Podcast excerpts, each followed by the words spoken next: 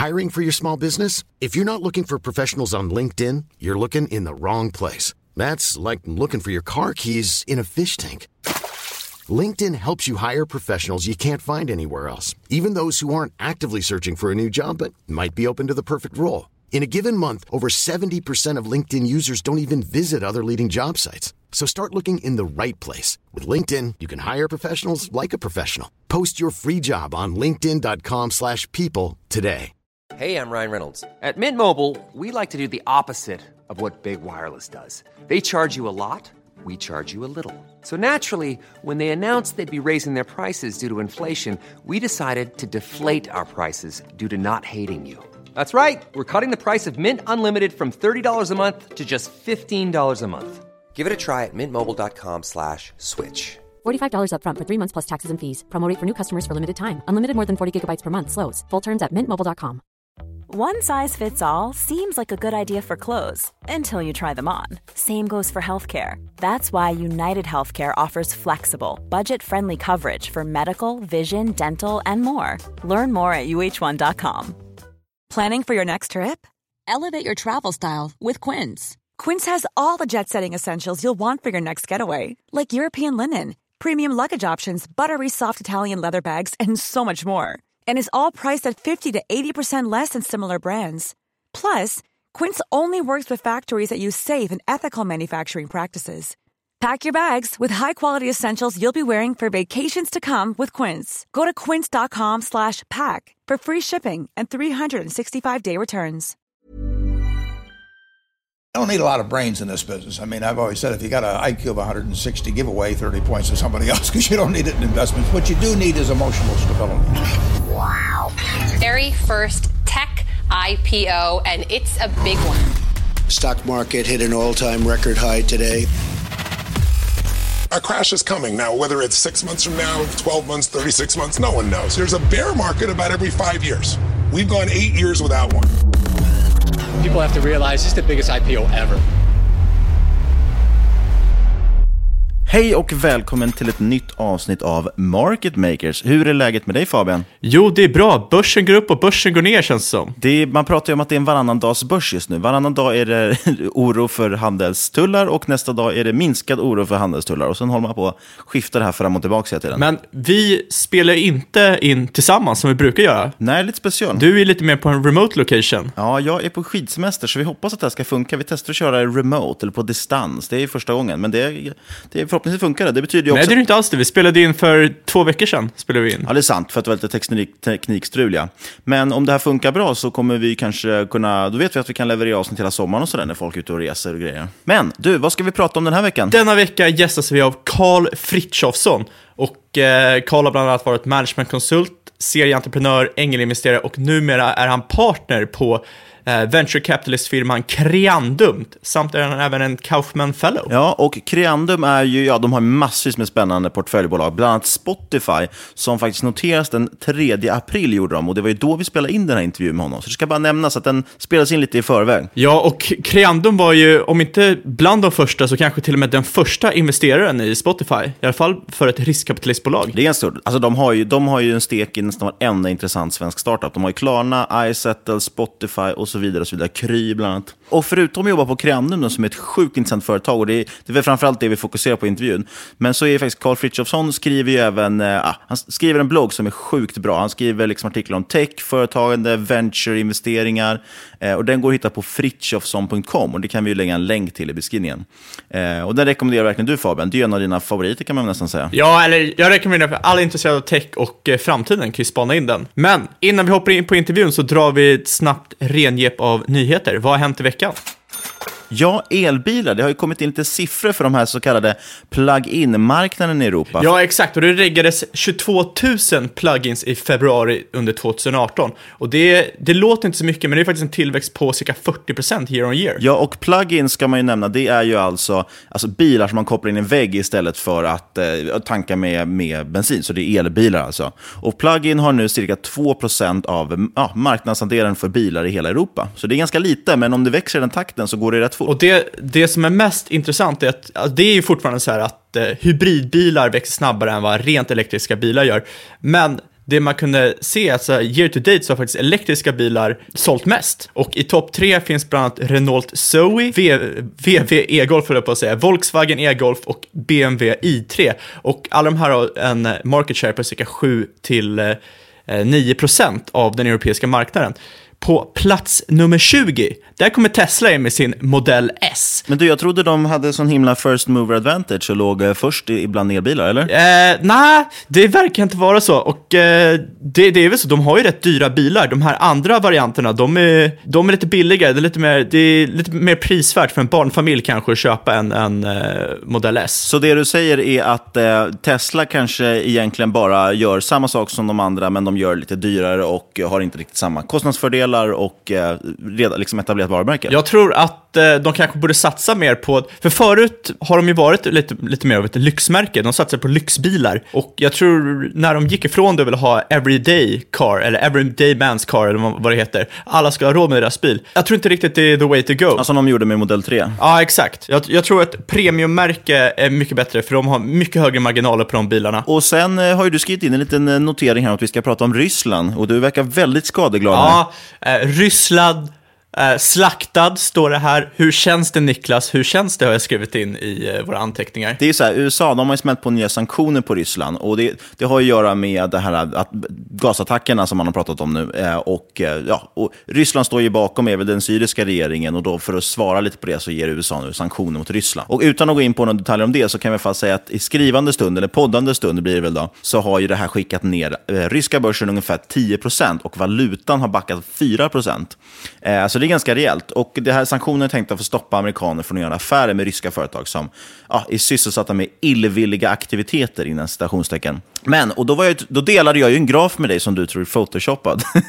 om att eh, jag faktiskt sålde av lite av min Rysslandsfond. Ja, du sålde precis på toppen. Ja, inte riktigt. Jag köpte ju också på toppen, så det var väl skitsamma. Men eh, framförallt så, det jag reagerade på var att den Rysslandsfonden jag har, den har faktiskt bara backat runt 3-4 procent. Så det kändes ju skönt i alla fall, istället för de här 10 procenten som resten har gjort. Jo, exakt. Men det man såg var ju att de bolag som sjönk mest på ryska börsen, det var ju sådana som ägdes av oligarker som fanns med på sanktionslistan. Eh, som ett exempel så, det finns ju många ryska bolag som handlar med till exempel råvaror. Och då var en av de här oligarkerna äger en bolag som heter Rusal, som producerar cirka 6% av eh, världens aluminium. Sjönk 25% på börsen. Och det som var intressant här att responset på detta var att priset på aluminium ökade med 2%. Ja, och då kan man ju fundera på vilka det är som köper mest aluminium och eh, om de kommer fortsätta handla med det här företaget. Eh, och när dessutom priserna ökar, så att jag vet inte. Det här är, brukar ju vara sånt här som lite går över, men vi får väl se. Jag, jag är i alla fall glad att min fond inte skadar så hårt, men det kanske gör det framöver. Jag tycker ändå att det kan vara bra att ha en liten riskspridning. Ja, de är väldigt billiga på börsen i alla fall. Med all rätt för riskpremiet man får betala. Ja, exakt. Eh, Men apropå de här oligarkerna, de lever ofta en ganska eh, jetset lifestyle med dyra grejer. Och då är det så att eh, LVMH, alltså Louis Vuitton Moët, Hennessy, en av svenska Fintwits storfavoriter. Och de äger ju märken som Dior, Moët, Chandon, Louis Vuitton, som sagt, det är dyra märken enbart. De slog estimaten nu för Q1 2018 med organisk omsättningstillväxt på 13 procent. Eh, det är ganska rejält. Det tyder ju någonstans på att folk har väldigt mycket pengar och köper dyra prylar. För det första är- brukar det vara att- när LVMH går bra, för de rapporterar lite innan många andra bolag, så betyder det att andra lyxbolag också går bra, till exempel Kering som äger Gucci och eh, Burberry. Och sen visar det väl på något sätt hur ekonomin går. Ja, och vi pratade om det här för några eh, avsnitt sen. Om, jag vill minnas att det var Ferrari vi pratade om, eller någon, någon eh, väldigt dyrt sportmärke i alla fall. Eh, just också att deras har ökat extremt högt. Eh, ja, vi pratade även om priserna på eh, samlarviner som också får räknas som en lyxprodukt. Det slog ju faktiskt S&P 500s utveckling förra året. Så jag menar, det, det, det är goda tider just nu och eh, det känns lite som att det bara kan gå från ett håll härifrån. Men som sagt, vi, vi ska väl dansa så länge musiken spelar, som de sa innan 2008. Det som är intressant med LVMH i alla fall, eh, det är att många sådana här lyxmärken, eh, de ökar mest i Asien, men LVMH har en stabil tillväxt i både USA och Europa, förutom Asien, fastän till exempel consumer spending allmänt är ner i USA och UK, så de går emot trenden där lite. Så det kanske visar på att de, de har någon typ av moat ifall börsen eller ekonomin går neråt. Moat, eller snarare kanske det pekar på de här ökade klyftorna man pratar om, att de rika blir rikare, så att de, det är de som handlar på de här märkena också. Så är det, absolut. Men vi ska väl gå in på vår intervju med Carl Frithiofsson. Jag tycker det ska bli sjukt spännande att höra vad han har att säga. Delvis om Spotifys börsnotering, men också om framtiden i tech överlag. Men först ett litet sponsormeddelande. Och även denna vecka sponsras vi av den schweiziska banken Fontobel och vi är väldigt glada över det. De erbjuder börshandlade produkter och den här gången vill vi lyfta att de just släppt ett 50-tal så kallade mini-futures på mjuka råvaror som kaffe, majs, vete, kakao. Vi har ju tidigare pratat om så kallade mjuka råvaror och hur de ser billiga ut just nu. Bland annat i avsnitt 6, i avsnitt 9 när vi gästades av Anna Svan och i avsnitt 22 när vi gästades av Micke Syding. Och därför passar det ju rätt bra just nu att dessa produkter kommer om man vill spekulera i prisförändringar prisförändringen. Ja, och som vanligt, glöm inte att investeringar sker på egen risk. Läs alltid på innan du köper en börshandlad produkt. Men om du är intresserad av att köpa någon av de här råvarorna eller någon annan produkt som Fontobel erbjuder, de erbjuder ju blankning och långning och så vidare av alla möjliga aktier och råvaror. Så väldigt spännande produkter. Så finns de hos din nätmäklare, så kolla in det. Tack Fontobel.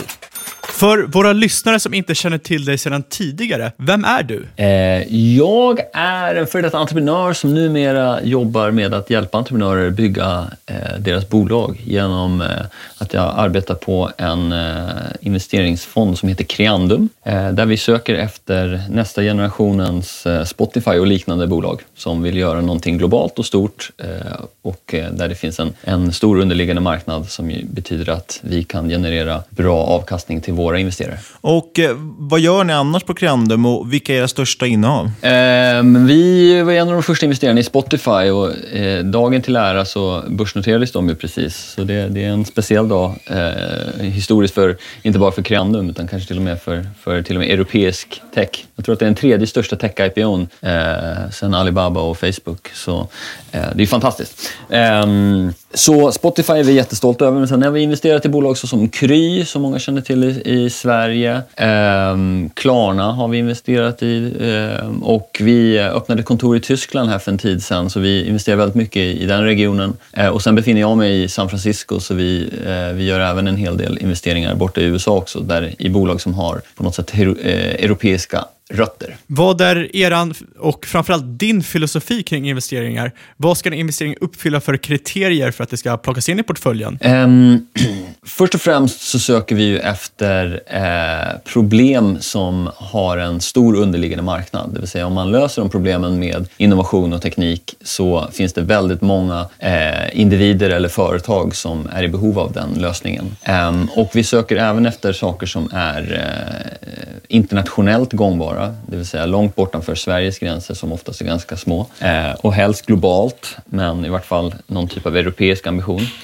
Eh, och sen söker vi efter eh, teknikinnovation, det vill säga vi, vi investerar i bolag som eh, skriver kod för att, Eh, för att bygga produkter. Ehm, ibland betyder det att det finns en hårdvarukomponent eh, som är kopplad till den här mjukvaran som man har, eh, skapat. Men oftast är det ren software så att säga. Ehm, och vi investerar både i konsumentbolag, såsom Spotify, men även i B2B, då, enterprisebolag. Ehm, där kan vi nämna något bolag som exempel. Vi har ett, ett bolag som heter eh, Pleo i Danmark som bygger en, eh, en lösning för att automatisera eh, kvittoredovisning. Ett typiskt B2B-bolag med en stor underliggande marknad. Ehm, och så letar vi då efter, framförallt den kanske viktigaste komponenten, det är, det är entreprenörerna som, som eh, väljer att bygga det här. Där, där vi letar efter personer som har någon typ av genuin eh, bakgrund och intresse för det här området. Där de ser det här som någonting som är långt viktigare än att bara skapa ett bolag, utan de vill verkligen att eh, det här är något som, som de kommer med passion och eh, passion och, och kraft bakom. Um, så entreprenören är en av de viktigaste delarna i den här ekvationen. Men du, du har ju sett företag från tre perspektiv. Managementkonsult, investerare och entreprenör. Hur skiljer sig då de här perspektiven och din syn på hur bolag ska skötas? Eh, och hur har det förändrats under årens gång, nu när man liksom jämför med till exempel entreprenören? När det är en sån viktig del i företaget. Ja, jag, eh, jag tror det som är gemensamt i varje fall för alla de här perspektiven, det är att eh, alla bolag bakom kulisserna har lite, eh, lite silvertejp i hörnen och, eh, och lite sneda skruvar här och där. Alla bolag är eh, bakom kulisserna, har en hel del utmaningar och eh, problem. Eh, och det är en del av, av vardagen. Ehm, och de olika perspektiven som du nämner, då har jag fått lära mig de här eh, utmaningarna och problemen från kanske lite olika dimensioner. Där man, som entreprenör är man ju väldigt djupt i detaljerna och man släcker bränder varje dag i stort sett. Eh, och ganska ofta så, så känner man sig nervös över att något typ av korthus ska falla ihop eh, och eh, hur ska det här egentligen gå? Ehm, och sen som styrelsemedlem och investerare, ehm, då är man ju betydligt mer eh, på en, på en betydligt mer högre nivå i bolagen. Ehm, men oftast är det det man pratar om är de st större problemen. Det är oftast det som är fokuset. Så man, eh, man gräver mycket i de utmaningarna som bolaget har. Um, och som managementkonsult, i alla fall min bakgrund från den eran, då, då jag jobbade framförallt med större bolag. Eh, och vad som är eh, ganska tillfredsställande där är att även bolag som är börsnoterade och har tusentals anställda och finns över hela världen, de, de står ofta inför existentiella hot och eh, en rad olika utmaningar.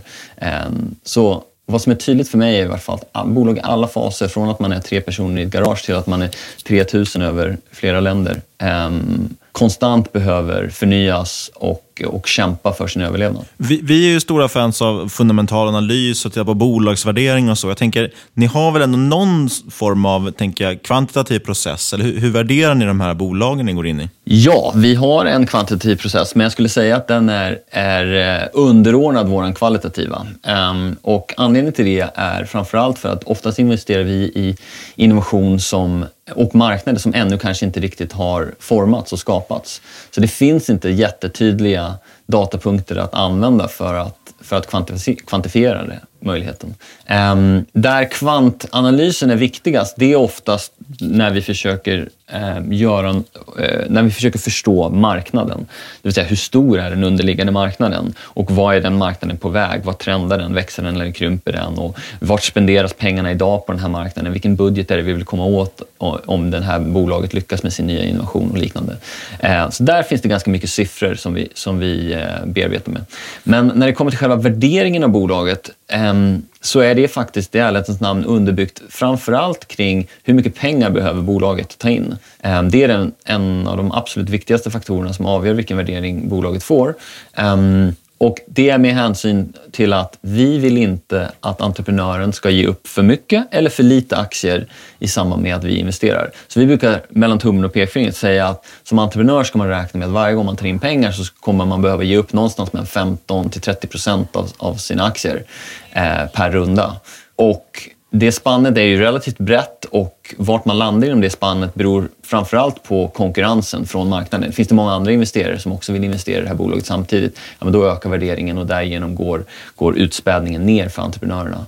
Men eh, även när vi är den enda investeraren som väljer att investera i ett bolag där det inte är så mycket konkurrens så vill ändå inte vi eh, förhandla för hårt och späda ut entreprenören för mycket. För de behöver långsiktiga incitament för att kunna bygga de här bolagen eh, över alla de år som krävs. Om man istället vänder på frågan, vad kan göra ett attraktivt eller före detta attraktivt bolag oattraktivt? Eh, det finns två aspekter av det här. Det ena är eh, att det är oattraktivt för oss som investerare för att det inte passar i vår investeringsmodell. Och Det baseras oftast på hur mycket ägande eh, siktar vi att ha i ett bolag och det kanske inte finns utrymme att köpa tillräckligt mycket ägande eh, för, för, att det finns andra investerare som konkurrerar med oss eller entreprenörerna tar bara in så pass lite pengar att de inte vill ge upp mer och liknande. Så det kan vara oattraktivt att det helt enkelt inte passar oss. Och självklart kanske inte det passar oss för att det är en life science-bolag och vi investerar bara i software eller att det är en, bara ett svenskt bolag som försöker bygga en, en lösning bara i Sverige men inte har en internationell ambition och sånt. Det brukar oftast få, få bolagen att kanske vara oattraktiva i våra ögon. Men en annan eh, aspekt av det, det, det är att när eh, företag har för många delägare så kan det också vara Eh, svårt för oss att se hur vi långsiktigt ska kunna, se, eh, kunna förstå att bolaget har eh, den, den fundamentala plattformen som behövs för att det ska bli framgångsrikt. Ehm, så det är ganska vanligt att företag säljer ut väldigt mycket aktier i början av eh, sin fas när man är eh, sårbar och inte har så många alternativ och, och det kommer då en rad änglar eller till och med institutionella investerare och köper upp mycket aktier. Och om vi ser att en stor del av, av eh, Eh, aktieboken är, är passivt ägande, det vill säga individer som inte är aktiva och operativa i, i verksamheten, så kan det ibland vara en, en, en röd flagga för oss som gör att vi inte helt enkelt tror att entreprenörerna som är de viktigaste spelarna i den här ekvationen, att de inte kommer få de långsiktiga instrumenten som behövs. Ehm, och då blir, ibland kan man, kan man omstrukturera det där så att det funkar, ehm, men ibland så är det helt enkelt så att det inte, är, det inte finns rätt förutsättningar för att, för att det ska passa oss som investerare. Hur brukar exit-strategi se ut? När säljer ni ett bolag och varför? Ja, vi talar förvånansvärt lite om exit-strategier, både med entreprenörer när vi utvärderar dem och, och internt när vi tittar på eh, och diskuterar på eh, bolagen. Eh, anledningen är att vi tror att vi behöver vara eh, långsiktiga ägare och inte eh, inte för ivriga att, att skapa någon typ av eh, exits. Eh, och världen förändras så pass mycket under alla de här åren eh, att det är svårt att förutspå vem kommer kunna potentiellt köpa det här bolaget om tio år eh, eftersom, eftersom kanske industrin ännu inte har skapats. Eh, Självklart tycker vi det är intressant att, att ha en intellektuell dialog kring vilka strategiska spelare finns det som skulle kunna vara intresserade av den här typen av verksamhet. Men det är heller inget, inget mål som vi, vi kort eller på mellanlång sikt försöker bygga bolaget mot. Utan vi tror på att entreprenören, eh, vilket är de personerna som vi bettar på, att de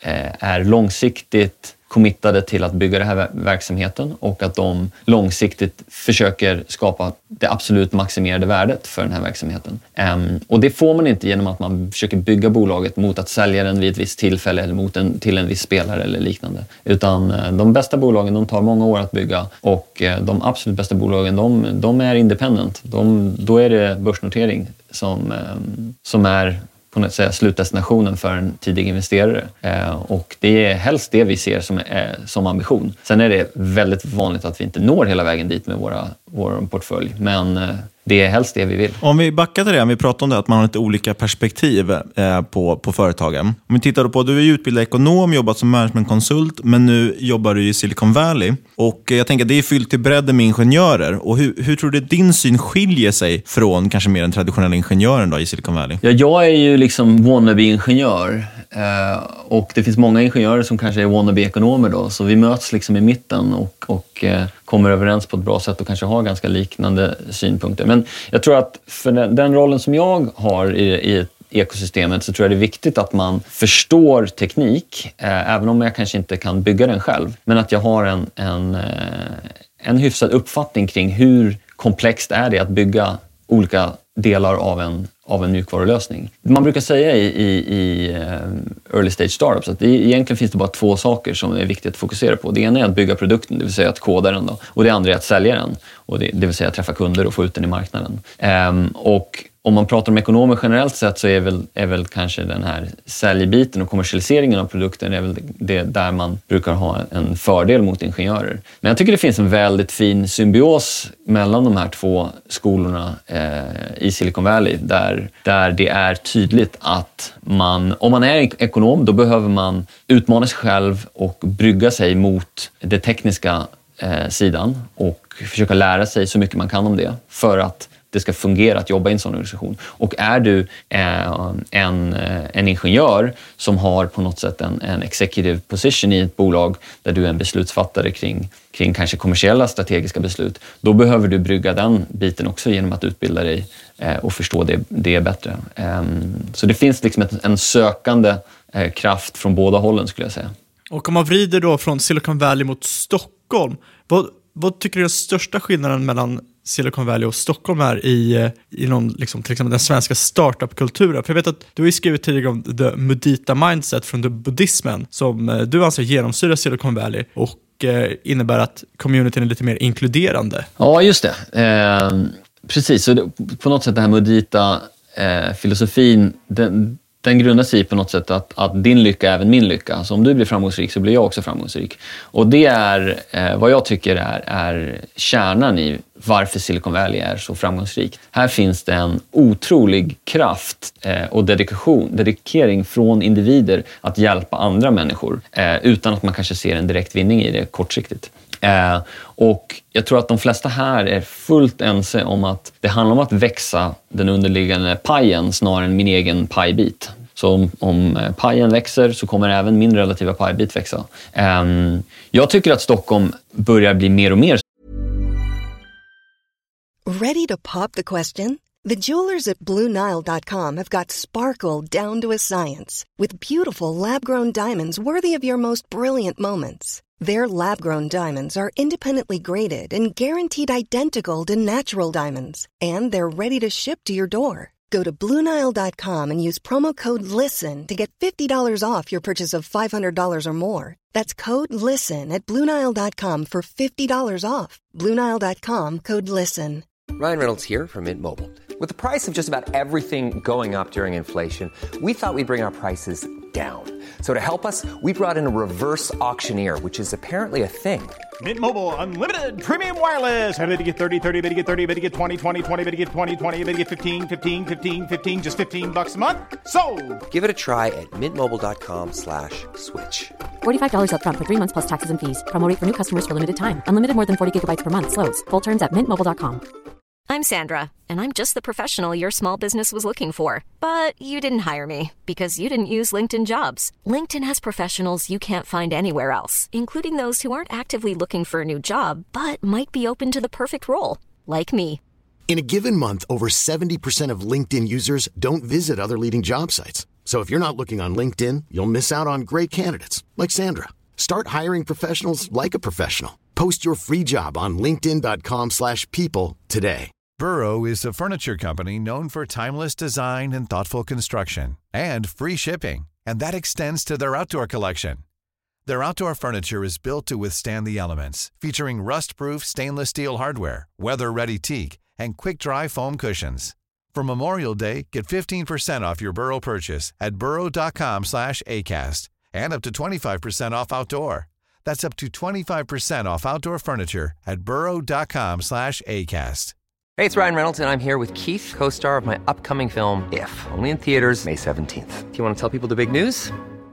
All right, I'll do it. Sign up now and you'll get unlimited for $15 a month in six months of Paramount Plus Essential Plan on us. Mintmobile.com slash switch. Upfront payment of $45 equivalent to $15 per month. Unlimited over 40 gigabytes per month. Face lower speeds. Videos at 480p. Active Mint customers by 531.24 get six months of Paramount Plus Essential Plan. Auto renews after six months. Offer ends May 31st, 2024. Separate Paramount Plus registration required. Terms and conditions apply if rated PG. Så här. Eh, och eh, vi spenderar mycket tid som sagt i Berlin och det är samma sak där. Det, jag tycker det här är en, en genomgående tes för tech-ekosystemen eh, runt om i världen. Men Silicon Valley är överlägset längst fram på den här eh, dimensionen och, eh, och det gör att det blir en otroligt dynamisk miljö att, att verka i. För att människor är otroligt mycket mer mån om att förstå andra människor och lära känna andra människor, eh, eh, testa nya produkter, nya aktiviteter. Det finns en, en konstant sökande här som, där, man, där man samtidigt som man söker och, och um, upplever nya saker, försöker kalibrera vad kan jag göra för att hjälpa till på det här. Och allt blir möjligt när man har det mindsetet. Det, det finns liksom inga, inga stora drömmar här, eh, behöver man vara blyg för här borta. Om vi tänker på Creandum då, ni har en rätt bred portfölj ändå. Ni har allt från Klarna till Kry som du nämnde.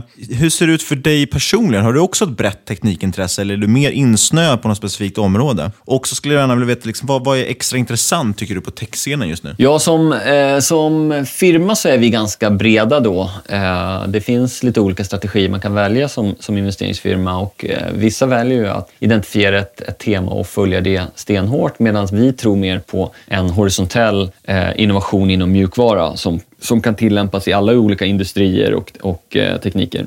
Så eh, jag skulle helt klart klassificera mig själv som, som bred snarare än spetsig där. Sen finns det områden som man kan vara passionerad kring och tro på eh, mer än annat för att man tycker det är intressant just nu och liknande. Och eh, jag har väl en sån där grej. Ja, jag har väl en sån där grej just nu som, som jag tycker är väldigt intressant som handlar om, eh, jag brukar referera till det som data collaboration, men någonstans så, så, ehm, så har vi ju nu en otrolig mängd data från företag och individer som har samlats online. Eh, och många av de här, eh, många av de här datapunkterna lever i silos. Men det finns ett stort värde i att eh, dela data med varandra om det sker under rätt förutsättningar. Och vi ska nu inte blanda det här med vad som har hänt med Facebook och eh, Cambridge Analytica och sådana här grejer där folk eh, extraherar datan och använder den på, på sätt som kanske individen som som tillhandahöll datan initialt inte förstod eller hade tillåtit. Så, så länge saker och ting sker under rätt förutsättningar där alla har, eh,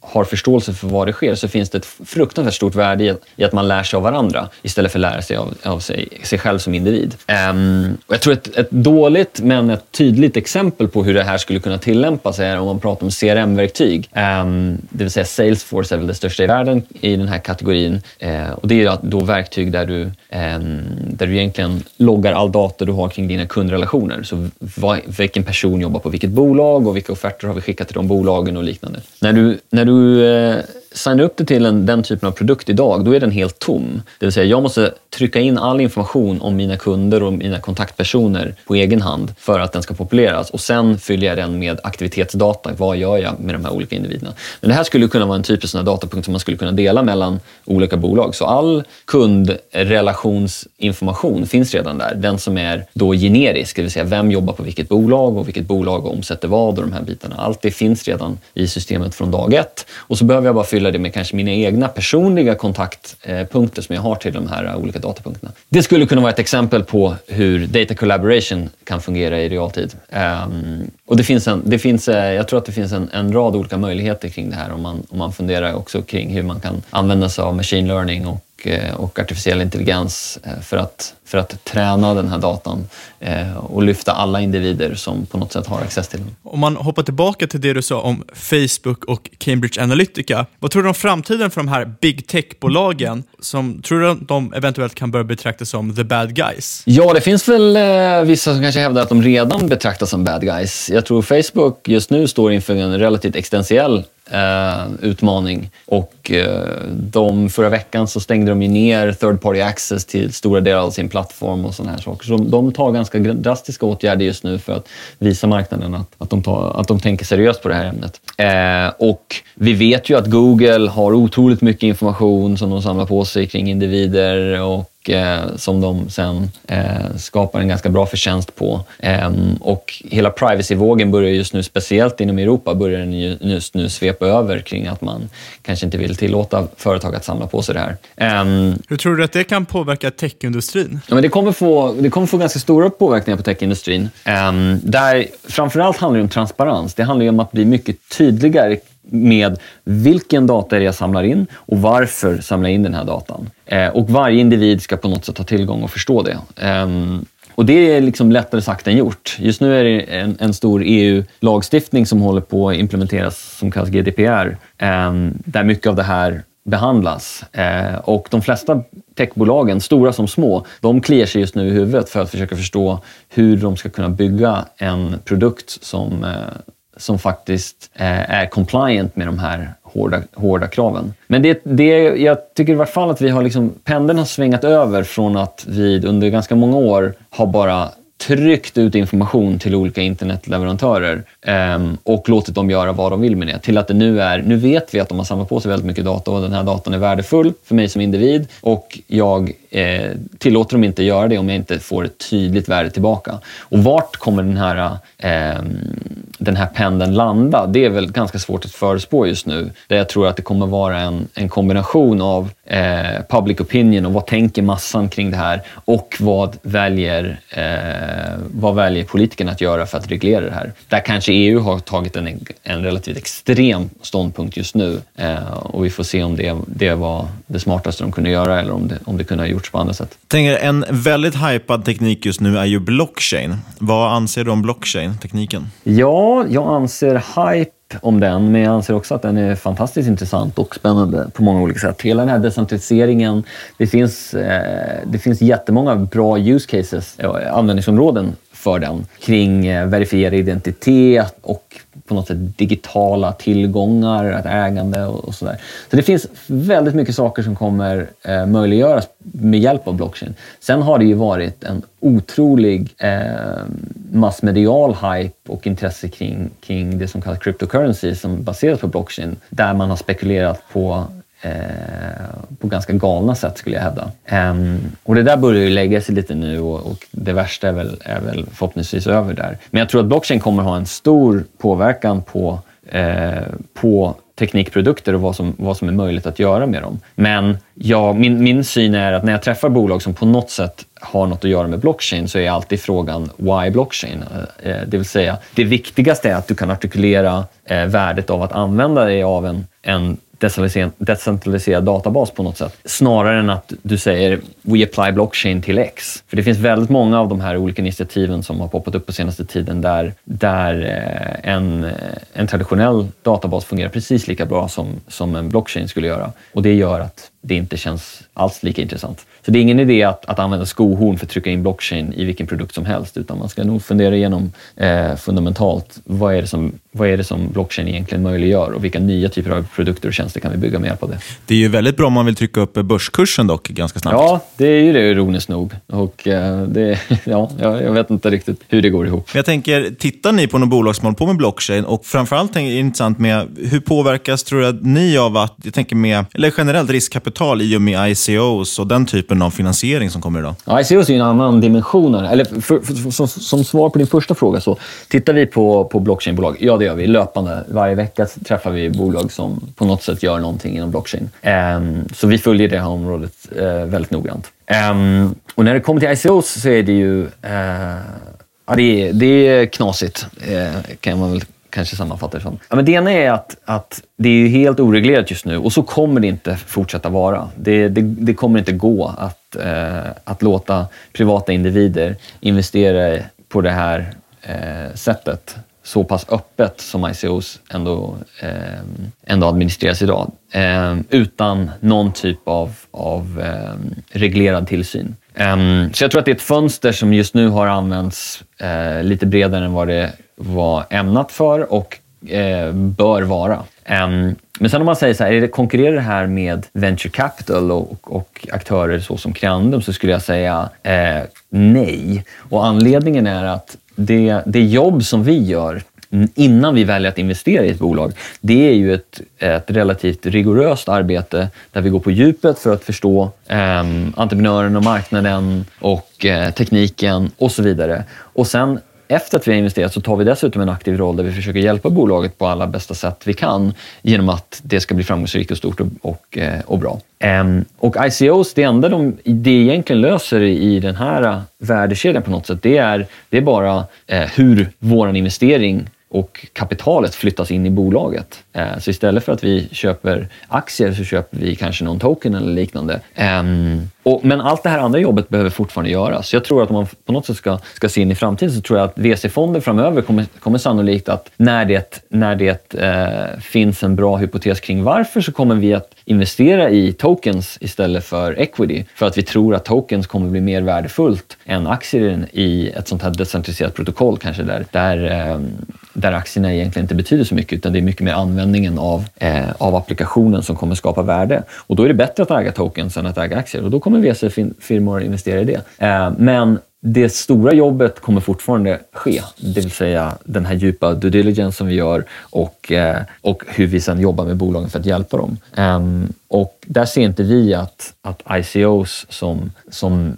mekanisk funktion att ta in pengar ersätter liksom inte det jobb vi gör. Och det borde entreprenörer också förstå att eh, alternativet att ta in pengar genom en ICO versus att ta in pengar från en VC, det är två ganska, ganska skilda saker i termer av vad får man för de här pengarna. Något som jag och Niklas tycker är väldigt intressant och pratat en del om tidigare på podden är automatisering. Och vi skulle gärna vilja få din, din take på det hela. Hur tror du att det kommer påverka samhället som helhet de kommande åren? Ja, det här är ju en filosofisk fråga som många smartare individer än mig har har uh, tänkt mycket på. Men jag tror att det är väl uh, i, i något i stora mån är det nästa generations eh, största utmaning eh, hur vi kommer behöva omdefiniera samhällena. Eh, där automatiseringen kommer representera eh, mer och mer av de, det vi idag kallar traditionella arbeten. Ehm, och då pratar vi inte bara om, om eh, blue collar work i fabriker eller eh, lager där vi redan idag har robotar som gör stora delar av arbetet. Utan det finns mycket andra arbeten som, som idag är det man kallar knowledge workers eller white collar workers som också kommer automatiseras. Eh, inklusive potentiellt då eh, att vara en, en eh, venture capital-investerare. Det är inte omöjligt att det finns algoritmer som är betydligt bättre på att förutspå marknader och förstå entreprenörers passion eh, än vad vi är.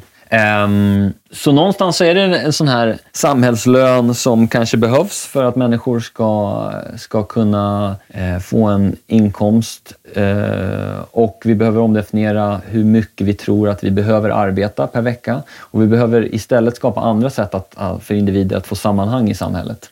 Um, och jag, jag vet inte vad de sammanhangen är. Men det är otroligt viktigt att vi skapar dem, för annars tror jag vi kommer få ännu mer misär i världen än vad vi har sett hittills. Um, och sen kommer vi få företag som under dagens politiska och kanske skattemässiga fundament, de kommer kunna bli otroligt lönsamma eftersom de knappt har några, några individer som behöver, eh, som behöver jobba för att skapa och tillhandahålla produkten eller tjänsten till, till världen. Um, och där behöver vi då kanske skriva om skatteregleringarna så att bolag som inte har människor anställda, de kanske beskattas på ett annat sätt än vad, vad verksamheter som har individer anställda gör. Eh, och det kanske finns en skala däremellan baserat på, vi går från 90 beskattning ner till 10 och det, om du har 100 000 anställda så är det 10% och har du noll så är det 90% Eller liknande. För vi kommer behöva finansiera eh, samhällsresurser på ett, på ett helt nytt sätt i samband med det här. Om det då blir en sån värld att det kanske är väldigt få som arbetar, kan du tänka dig att världen skiftar över från att vara väldigt kapitalcentrerad till att kanske använda något annat typ av, eh, något annat typ av medium för förhandling? Eller kanske något annat typ av medium som är, blir viktigare och står i centrum än kapitalet? Ja, det är ju en eh, attraktiv tanke som, eh, som jag tycker låter väldigt kittlande på många sätt. Jag tror att folk kommer fortfarande arbeta, men, men vi kommer, det som vi ser idag som traditionella yrken kommer inte vara kanske samma yrken, utan det kommer handla mer om, mer om kreativa yrken eh, och det kommer handla mer om, om yrken som har att göra med direkt kontakt med människor. Alltså där människor eh, skapar värde för andra människor. Ja, och, och det, jag, jag, tror att eh, de yrkena kommer fortfarande att premieras med lön och med eh, något typ av, av monetärt värde som vi, vi har idag. Men vi kanske, kommer, vi kanske inte kommer se samma prestige i att jobba 80 timmar i veckan som man har gjort eh, under den kapitalistiska eran. Um, mm. Den som lever får se. Apropå arbetare, finns ett citat från Chris Dixon som jobbar på Andreessen Horowitz, han är partner till och med, eh, som heter “Find out what smart people are working on during the weekend and you'll know what others will be doing years in the future”. Är det någonting som du tycker klingar hos dig också och, och vad anser du då att de, de smarta så att säga, jobbar med på helgerna just nu? Ja, det är nog, eh, det är nog ett bra citat. Uh, ja, det, det, det, finns ju en, en um en liten förutfattad mening att de som jobbar med venture capital är bra på att förutspå framtiden. Och riktigt så är det ju inte, för vi investerar oftast i produkter som ändå redan finns idag.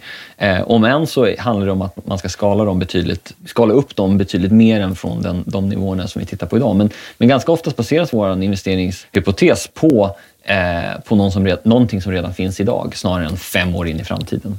Eh, men kanske vad jag tycker är otroligt spännande nu för våran vår generation eh, är ju space exploration och hur det egentligen har privatiserats de senaste tio åren. Och det kommer ju bara bli mer och mer av det eh, framöver. Där historiskt sett så har det framförallt varit Kina och USA som genom statliga program har, har försökt göra någonting uppe i rymden. Och eh, nu börjar det bli privata aktörer och kan se att du som, du som en entreprenör och individ kan, eh, kan ta dig ut bortanför kanske de dimensionerna på jorden som vi någonsin har, har eh, sett som vår begränsning tidigare. Ehm, och det där är ju fantastiskt eh, stimulerande. Eh, och, och, intellektuellt roligt. Jag tänker så här, för ni, ni, träffar ju rätt mycket bolag antar jag som kommer till er och, och presenterar sig. Och, och du möter väl säkert också en hel del duktiga ingenjörer och så vidare i, i Silicon Valley. Vad, vad, vad, vad, ser du för trender? Vad är det folk satsar på för någonting? Vad jobbar de med just nu? Eh, ja, det är det vanliga som, som brukar rapporteras nu för tiden. Att eh, AI generellt, liksom, det vill säga automatisera med hjälp av av olika datapunkter. Och en del av det är ju en, en, en subdimension av AI-vågen eh, som, som rider just nu. Det är ju eh, självkörande fordon. Både bilar och båtar och flygplan och, och så vidare. Det är ett jättestort område som kommer också få ganska dramatiska följder på hur samhällen och städer byggs och liknande när, när det här har fått en, en massmarknad. Um, utöver det så är det uh, väldigt mycket fokus på cybersecurity just nu. Um, där vi ser, vi ser riskerna för verksamheter och individer um, börjar bli mer och mer tydliga och eh, mer och mer skadliga när man gör misstag där. Så det finns en, en stor våg av nästa generation cybersecurity där vi försöker proaktivt eh, lösa problemen snarare än reaktivt. Ja, det är väl det. Sen tänkte vi börja avrunda lite och då tänkte vi att vi kan köra någonting som vi kallar fem snabba, eller fyra snabba blir det här fallet och vi slänger ut en, eh, ett ord och så ska du berätta lite vad du förknippar med det, eller vad du har för tankar kring det. Så första är, vad är dina tankar kring guld? Guld? Eh, jag tänker analog blockchain. Eh, den svenska techscenen? Jag har aldrig varit stoltare än idag för den på grund av Spotifys IPO. Höjda räntors påverkan på startup-scenen slash för riskkapital? Ja, eh, om man tittar till stora institutionella investerare så är det ju såklart så att höjda räntor gör att man kanske eh, allokerar mindre till det som kallas alternative assets, där venture capital finns. Så höjda räntor skulle potentiellt kunna strama åt eh, tillgången till kapital för, eh, för riskkapitalfonder. Eh, men samtidigt så, så, så, tror jag inte att det kommer ha så dramatisk påverkan för att eh, teknikinnovation är kanske en av de viktigaste eh, agendorna just nu för alla företag och alla individer. Ehm, och det gör att det finns ett stort fokus kring kring att investera i nästa generations teknik. Vilket gör att jag tror att, att tillgången till kapital kommer, kommer kunna finnas där. Um, för den svenska startup-scenen med höjda räntor, ja. Um, självklart för individer så är det ju så att eh, höjda räntor kommer öka deras burn rate om du har något bolån eller liknande. Um, samtidigt tycker jag att det finns en, en eh, i Stockholm då framför allt, så finns det en, eh, en ganska nonchalant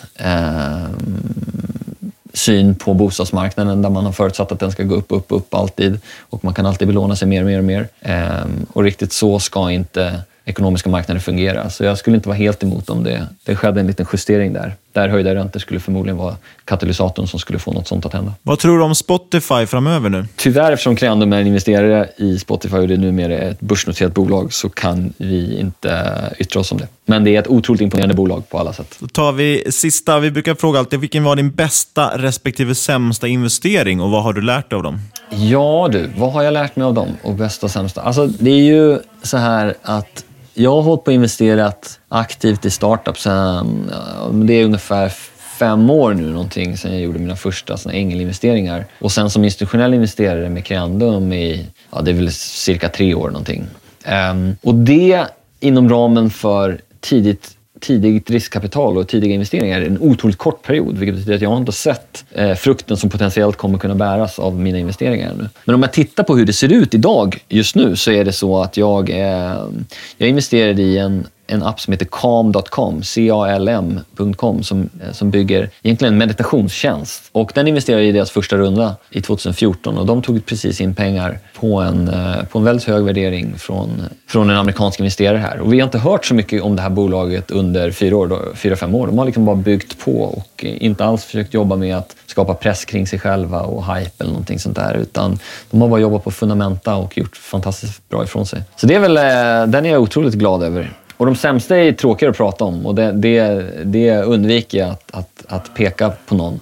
Men vad jag skulle kunna säga är att det är väldigt vanligt att, eh, att planerna inte blir som man initialt har eh, trott och hoppats på. Och det viktigaste där är att man, eh, att man är liksom lyhörd och föränderlig eh, och verkligen lär sig när planerna inte går som de ska. Eh, så att man inte bara fortsätter springa ut för samma stup igen. Eh, och det finns väl några bolag som jag har haft exponering mot själv som, som har haft de utmaningarna. Sist men inte minst, vart kan man följa dig om man vill höra mer av dina tankar och idéer? Det enklaste är fritjofsson.com där man kan komma åt min Twitter och eh, min medium och allting annat. Ehm, så där finns allt samlat. Ja, vi såg även att du hade din IMDB där. Ja, exakt. Passa på att ratea mina filmer också. Så om ni vill förstå vad jag har för dålig filmsmak så, så kan ni se det också. Ja, men perfekt. Stort tack för att du tog dig tid. Stort tack till er båda. Superintressant att prata med dig. Fantastiskt. Tack så mycket.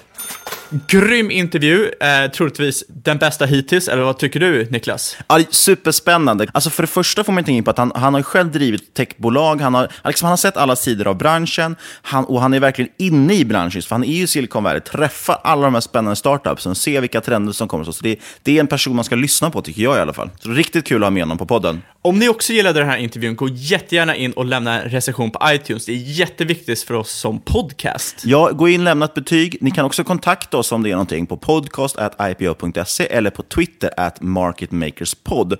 Och som vanligt måste vi lägga in en liten disclaimer. Inget du har hört i den här podcasten ska ses som rådgivning. Alla åsikter är våra egna eller vår gäst och eventuella sponsorer tar inget ansvar för det som sägs i podden. Tänk på att alla investeringar förknippade med risk och sker under eget ansvar. Ja, och så vill vi rikta ett stort tack till vår fantastiska samarbetspartner Fontobel som erbjuder spännande börsande produkter hos till exempel Avanza och Nordnet. Och den här veckan vill vi som sagt lyfta deras nya minifutures mot mjuka råvaror.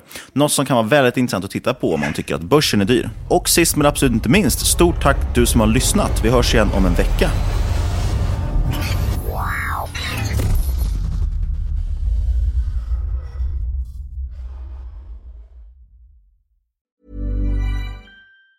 Mom deserves the best, and there's no better place to shop for Mother's Day than Whole Foods Market. They're your destination for unbeatable savings, from premium gifts to show-stopping flowers and irresistible desserts. Start by saving 33% with Prime on all body care and candles. Then get a 15-stem bunch of tulips for just $9.99 each with Prime. Round out Mom's menu with festive rosé, irresistible berry chantilly cake, and more special treats. Come celebrate Mother's Day at Whole Foods Market. Planning for your next trip? Elevate your travel style with Quince. Quince has all the jet setting essentials you'll want for your next getaway, like European linen, premium luggage options, buttery soft Italian leather bags, and so much more. And it's all priced at 50 to 80% less than similar brands. Plus, Quince only works with factories that use safe and ethical manufacturing practices. Pack your bags with high-quality essentials you'll be wearing for vacations to come with Quince. Go to quince.com slash trip for free shipping and 365-day returns. Mom deserves the best, and there's no better place to shop for Mother's Day than Whole Foods Market. They're your destination for unbeatable savings, from premium gifts to show-stopping flowers and irresistible desserts. Start by saving 33% with Prime on all body care and candles. Then get a 15-stem bunch of tulips for just $9.99 each with Prime. Round out Mom's menu with festive rosé, irresistible berry chantilly cake, and more special treats. Come celebrate Mother's Day at Whole Foods Market.